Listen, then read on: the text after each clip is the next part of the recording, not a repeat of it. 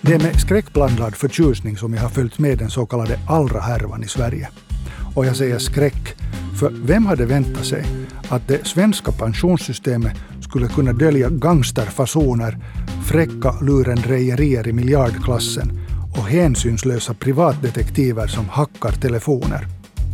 Och jag säger förtjusning för Allra-affären är en riktig thriller där huvudpersonerna går från en lyxlivsstil och höga poster till fängelsedom och skam.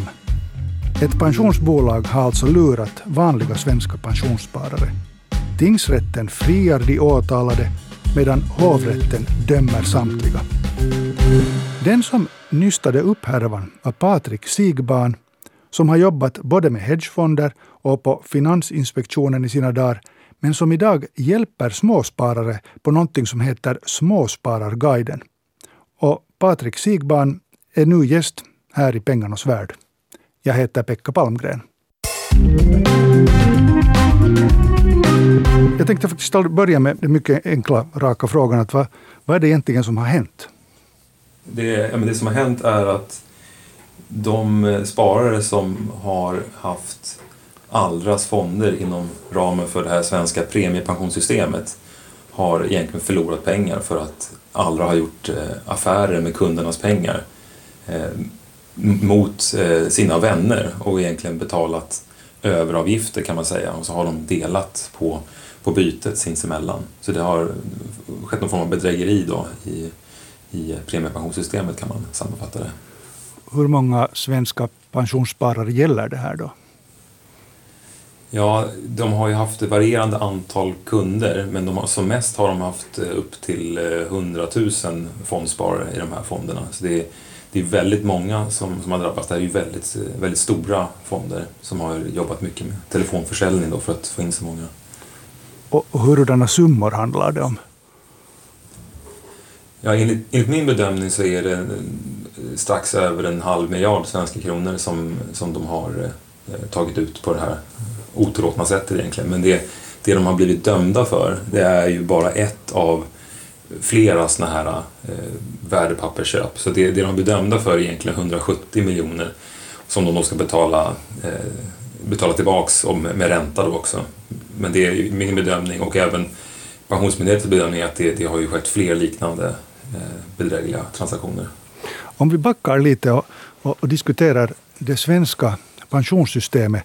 Så det som det egentligen handlar om att, är att alla svenskar har en möjlighet, eller de facto måste placera sina pengar själv delvis. Sina pensionsbesparingar, eller hur? Om man uttrycker det så. Och för det systemet har vi ju inte i Finland, utan vi har ju företag som, som sköter det för oss, så att säga. Mm. Uh, så här handlar det alltså om att det har funnits några, man kan väl säga skrupelfria personer som har på sätt och vis utnyttjat det att det finns plötsligt en stor, bred eh, publik, eh, alltså eh, en, en hel massa medborgare som helt enkelt sitter på pengar som ska placeras någonstans och de har lyckats marknadsföra sig till hundratusen svenskar och sedan blåst dem på en del av pengarna. Kan man säga så här? Ja, det är en jättebra beskrivning av vad som hänt. Kommer de här småspararna, de här pensionsspararna, att förlora de här pengarna? Eller finns det någon slags eh, garanti, statlig garanti eller något sånt? Ja, det finns ju egentligen ingen garanti inbyggd i det här systemet. Det, det man hoppas på från, från alla håll och kanter är att man ska kunna få tillbaka de här pengarna som de har tagit. Och det är ju det, är det, som, det här efterspelet som det pratas om nu, att eh, det gäller att säkra tillgångarna hos de här personerna som, som är dömda. Och det ser ju inte ut som att de kommer få tag på alla de pengarna som har försvunnit. Sen finns det ju en annan diskussion, politisk diskussion, där man kan tycka att myndigheterna har eh, skyldighet att kompensera spararna för att det man skulle kunna argumentera för att det är myndighetens fel att det här har kunnat, kunnat genomföras. Så jag tror det här sista ordet är inte sagt om, om hur spararna kommer bli kompenserade, men det finns inga garantier. Eh, så mycket kan man säga. Ja, det är ju en fråga som uppstår. att Hur är det möjligt och, och vilket ansvar har myndigheterna? Eh, jag tycker vi återkommer till det här. Jag tänkte ännu eh, diskutera lite hur, hur det hela hur det hela uppdagades. Alltså, det var du som började misstänka att allting, allting inte låg rätt till, eller hur? Ja, jag, jag blev kontaktad av en kollega i, i branschen som, som frågade, ställde en väldigt enkel fråga. Jag har tittat på Allras fonder och de presterar sällsynt dåligt. Eh, det är sämre än att, att de, de har, ju, har ju haft en hög avgift men, men det går ännu sämre. Och då frågade han mig, ja, men du som har jobbat i finansbranschen och kan räkna på saker, vad, vad, vad tror du om det här? Och det, det första jag gjorde var att bara titta på fonderna, för jag inte, var inte bekant med, med vad fonderna gjorde. Eller sådär. Så jag tittade vad de investerade spararnas pengar i. Och det är ju väldigt lätt att se eh, de, de största innehaven och det brukar ju vara jättestora bolag. Det brukar vara Microsoft och, och stora teknikbolag. Men här stod, såg jag en märklig bokstavskombination som var, där innehavet var jättestort, 5% av fonden nästan. Och när jag ser sådana här bokstavskombinationer då, då, förstår jag att det här är ett så kallat derivat, alltså ett värdepapper som är jag kan säga, hemmabyggt. Det är inget som man handlar på en öppen marknad. Och, då, och det var egentligen där jag började misstänka att den här typen av fonder köper naturligtvis inte sådana här komplexa eh, instrument. Och när jag förstod att de gjorde det då kan man börja fundera på varför och vad är det för personer som ligger bakom fonden och då förstod jag att det här är personer som inte har någon egentligen finansiell eh, bakgrund utan de är, de är ju telefonförsäljare ursprungligen och då, då, då, då jag anar liksom att de hade eh, andra intressen än spararnas intressen. Och sen fortsätter jag kontakta eh, jag kontaktade börsen i Luxemburg där, där det här instrumentet var tillverkat och frågade är det någon som handlar i det här? Och det visade sig att det fanns bara en affär och det var att Allra hade köpt den i princip. Och sen så frågade jag Finansinspektionen också i Luxemburg om, om vad, vad, hur de ser på det här instrumentet och kontaktade svenska myndigheter och det var egentligen där, där jag började med det hela. Vilken är din bakgrund? Hur, hur kommer det sig att du kan så mycket om, om finansbranschen? Ja, alltså jag halkade in på finansbranschen av, av en ren slump egentligen. Jag, jag är teknisk fysiker från KTH i Stockholm. Och du, du är fysiker? Ja, jag är teknisk, teknisk fysiker, men jag har ja. inte haft någon större användning av, av om kunskapen om, om fysik. Men jag, jag, kan räkna väldigt bra och jag är eh, snabb på att lära mig nya saker och bra på programmering och så vidare. Så när jag började i finansbranschen då, då fick jag ja, snabbt lära mig om hur, alla, hur branschen fungerar och alla de här olika värdepapperna och så vidare. Eh, och i och med det så förstod jag också att vad är rimligt att, att hur, vad är rimligt att förvalta inom olika typer av fonder. Och det här typen av fond som vi pratar om, hela det här premiepensionssystemet, det här eh, sparandet som alla svenskar håller på med, är ju ett väldigt eh, vaniljsparande kan man säga. Det är inte mycket komplexitet. Det är ju ett långsiktigt sparande och då brukar man bara ha en, en korg med, med aktier och eventuellt har man liksom lite obligationer om man vill ha lite försiktigare sparande. Så det här stack ju verkligen ut som någonting som ingen annan av de här hundratals andra fonderna har, har hållit på med. Vi har i Finland inte hört speciellt mycket om det här fallet trots att det har varit stort i Sverige. Jag har följt med det och, och tycker att det är nästan komiskt. Alltså, det skulle vara komiskt ifall inte en massa pensionssparare skulle ha förlorat sina pengar. Och, och det beror på det att det är så klichémässigt. De här killarna som, som nu har dömts, vi ska återkomma till, till domen ännu också, så är på något vis nidbilden av eh, lurendrejare inom finansbranschen med, med dyr livsstil och ett visst slags utseende och, och klädsel. Men var det så faktiskt att, att de inte ens hade bakgrund i finansbranschen innan de startade det här pensionsbolaget? Nej, precis. De, de två grundarna de, de träffades på något eh, kontor där de delade lokal och den ena jobbade med, med, med ren telefonförsäljning och den andra jobbade med eh, hemsidesbyggande. Eh, och jag tror att de, de träffades där på kontoret och förstod att eh, när man jobbar med telefonförsäljning i, i finansbranschen så, så är det väldigt lukrativt. Att de såg hur de här oseriösa finansbolagen tjänade mycket pengar och så kom de fram till att men det här kan ju vi göra själva istället. Så då, då slog de ihop sina, sina verksamheter och, eh, och härmade helt enkelt de här andra bolagen. Men de var ju väldigt bra på just försäljningsbiten, att driva in kunder. Men förvaltning av pengar, den, den, enligt min mening har, har de ju inte fokuserat nämnvärt på det. Kan man göra så faktiskt i Sverige? Det, det finns liksom ingen kontroll. Nej, men det, det, så var det på den tiden. Att det, det fanns ingen, inga regler för hur man sålde in de här fonderna. Sen har ju i efterhand så har Pensionsmyndigheten förbjudit fonder som är med på premiepensionssystemet att de får inte hålla på med telefonförsäljning. Men på den tiden då, då var det väldigt vanligt, det var många bolag som höll på så här. Men vad hände när du började publicera dina, dina utredningar? När du, när du kom fram med att allting inte står rätt till?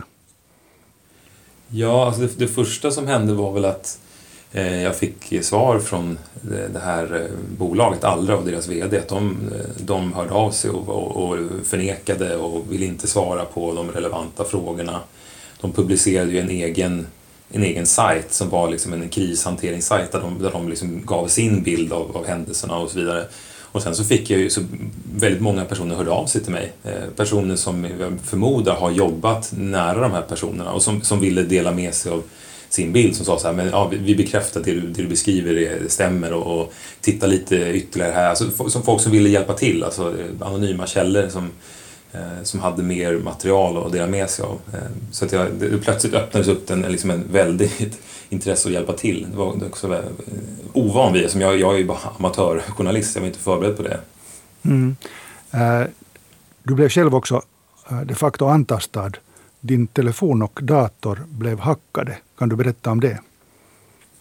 Ja, det här var egentligen nästan två år efter att jag började den här granskningen. Då, då satt jag och jobbade en, en sen kväll eh, och märkte att min telefon plötsligt hade tappat anslutningen till, till nätoperatören. Och jag tänkte att ja, sånt där händer väl ibland, inte så mycket att bekymra sig om. Så jag fortsatte jobba och så märker jag att jag får en notifikation från, från Google som säger att eh, nu har ditt lösenord bytts ut. Och det här, då kände jag att nu händer två saker konstigt samtidigt här och, och då, min reaktion är att jag går direkt in och försöker eh, byta tillbaks, eh, byta lösenord på Google igen och då, då säger Google ja, verifiera din identitet, eh, ja, vi skickar ett sms och så tar jag fram telefonen och ska jag läsa och så sitter jag, ja, just det, jag har ju ingen nätanslutning, jag kan inte få sms. Och då förstod jag liksom att det här är ju något, eh, något, något angrepp utifrån, att någon försöker ta över mina konton. Så då ringer jag jag ringer till operatören och förklarar läget men då har de hunnit stänga sin eh, telefonsupport för det här bedrägeriet skedde några minuter innan eh, deras kundtjänst stänger. Då. Så ah. ringer jag polisen och, eh, och i princip och så försöker jag höra av mig till Google men det är omöjligt. Mm. Det går inte att få svar från dem utan jag fick besked om att vi håller på att undersöka ditt konto i princip. Och så här, ja, ingen respons.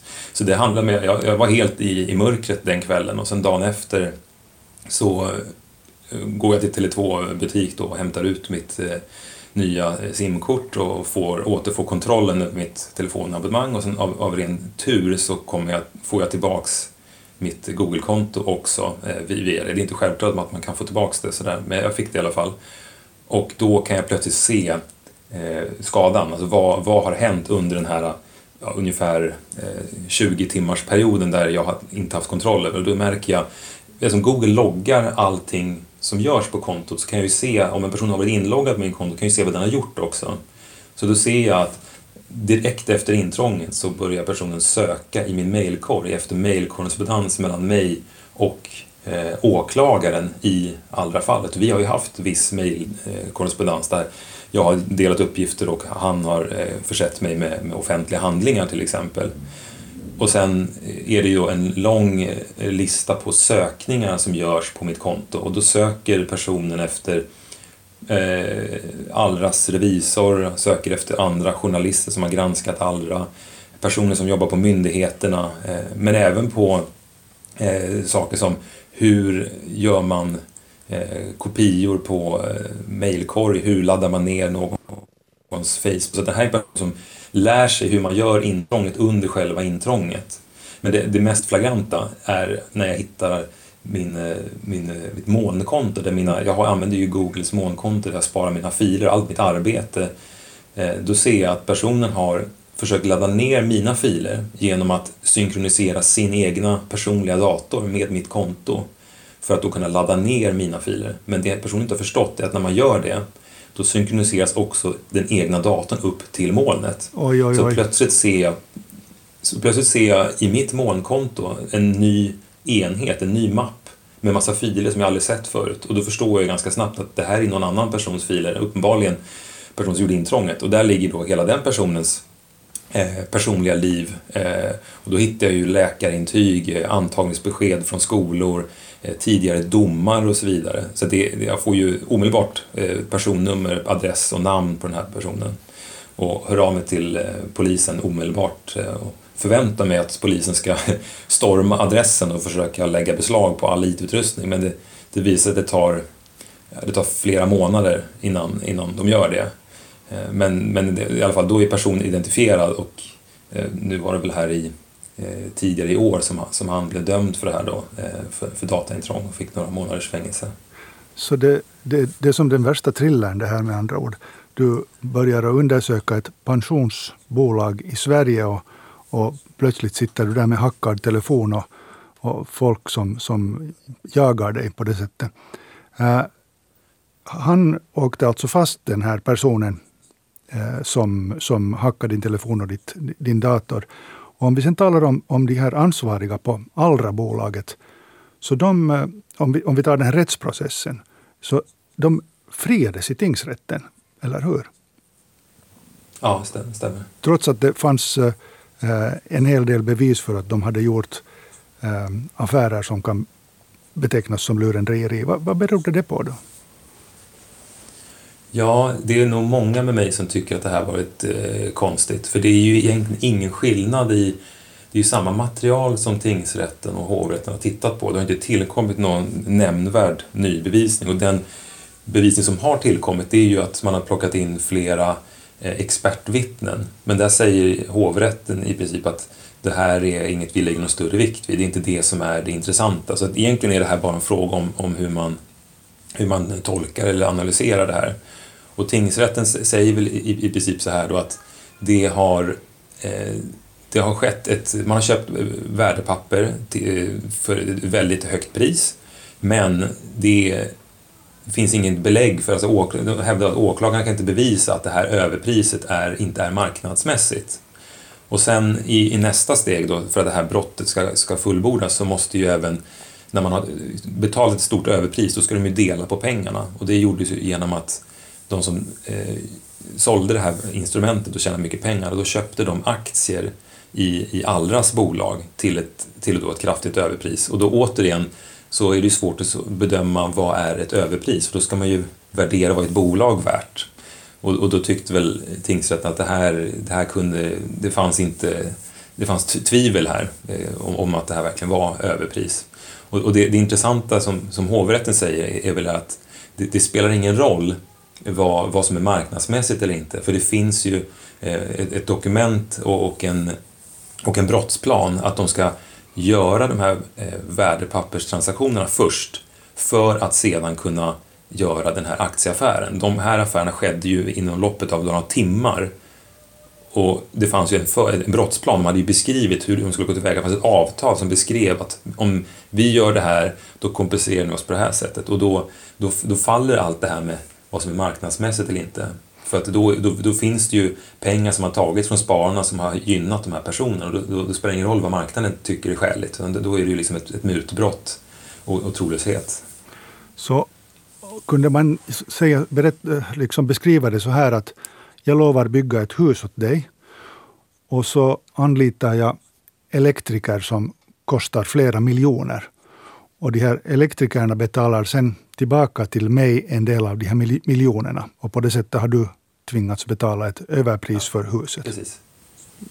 Ja, exakt. Uh, var finns pengarna då, nu? Vet man det? Ja, det är, det är en bra fråga. Åklagaren säger väl själv att de här har, har förmodligen, ligger förmodligen utomlands. En del har ju eh, konsumerats upp eh, sannolikt. Men, och sen finns det också spår av att de här personerna har efterforskat möjligheter att köpa bitcoin. Det, det har ju har någon, man har läst på något forum här om att de, de har liksom skrivit sådana här saker. Mm. Det, så att jag, jag, jag, det, det, ligger man kan ju misstänka det förstås, men, men jag vet inte var, var pengarna finns någonstans. Nej, jag blir jättekonfunderad när jag, när jag lyssnar på dig. Eh, alltså, kan man alltså inte lita på att eh, branschen i, i finansbranschen, pensions Eh, Eh, bolagsbranschen i Sverige eh, liksom erbjuder trygga lösningar för, för vanliga pensionssparare. Är, är det här ett, liksom ett flagrant undantag nu som bevisar att systemet ändå fungerar eller, eller är det, ska man vara rädd i Sverige när man placerar sina pensionspengar?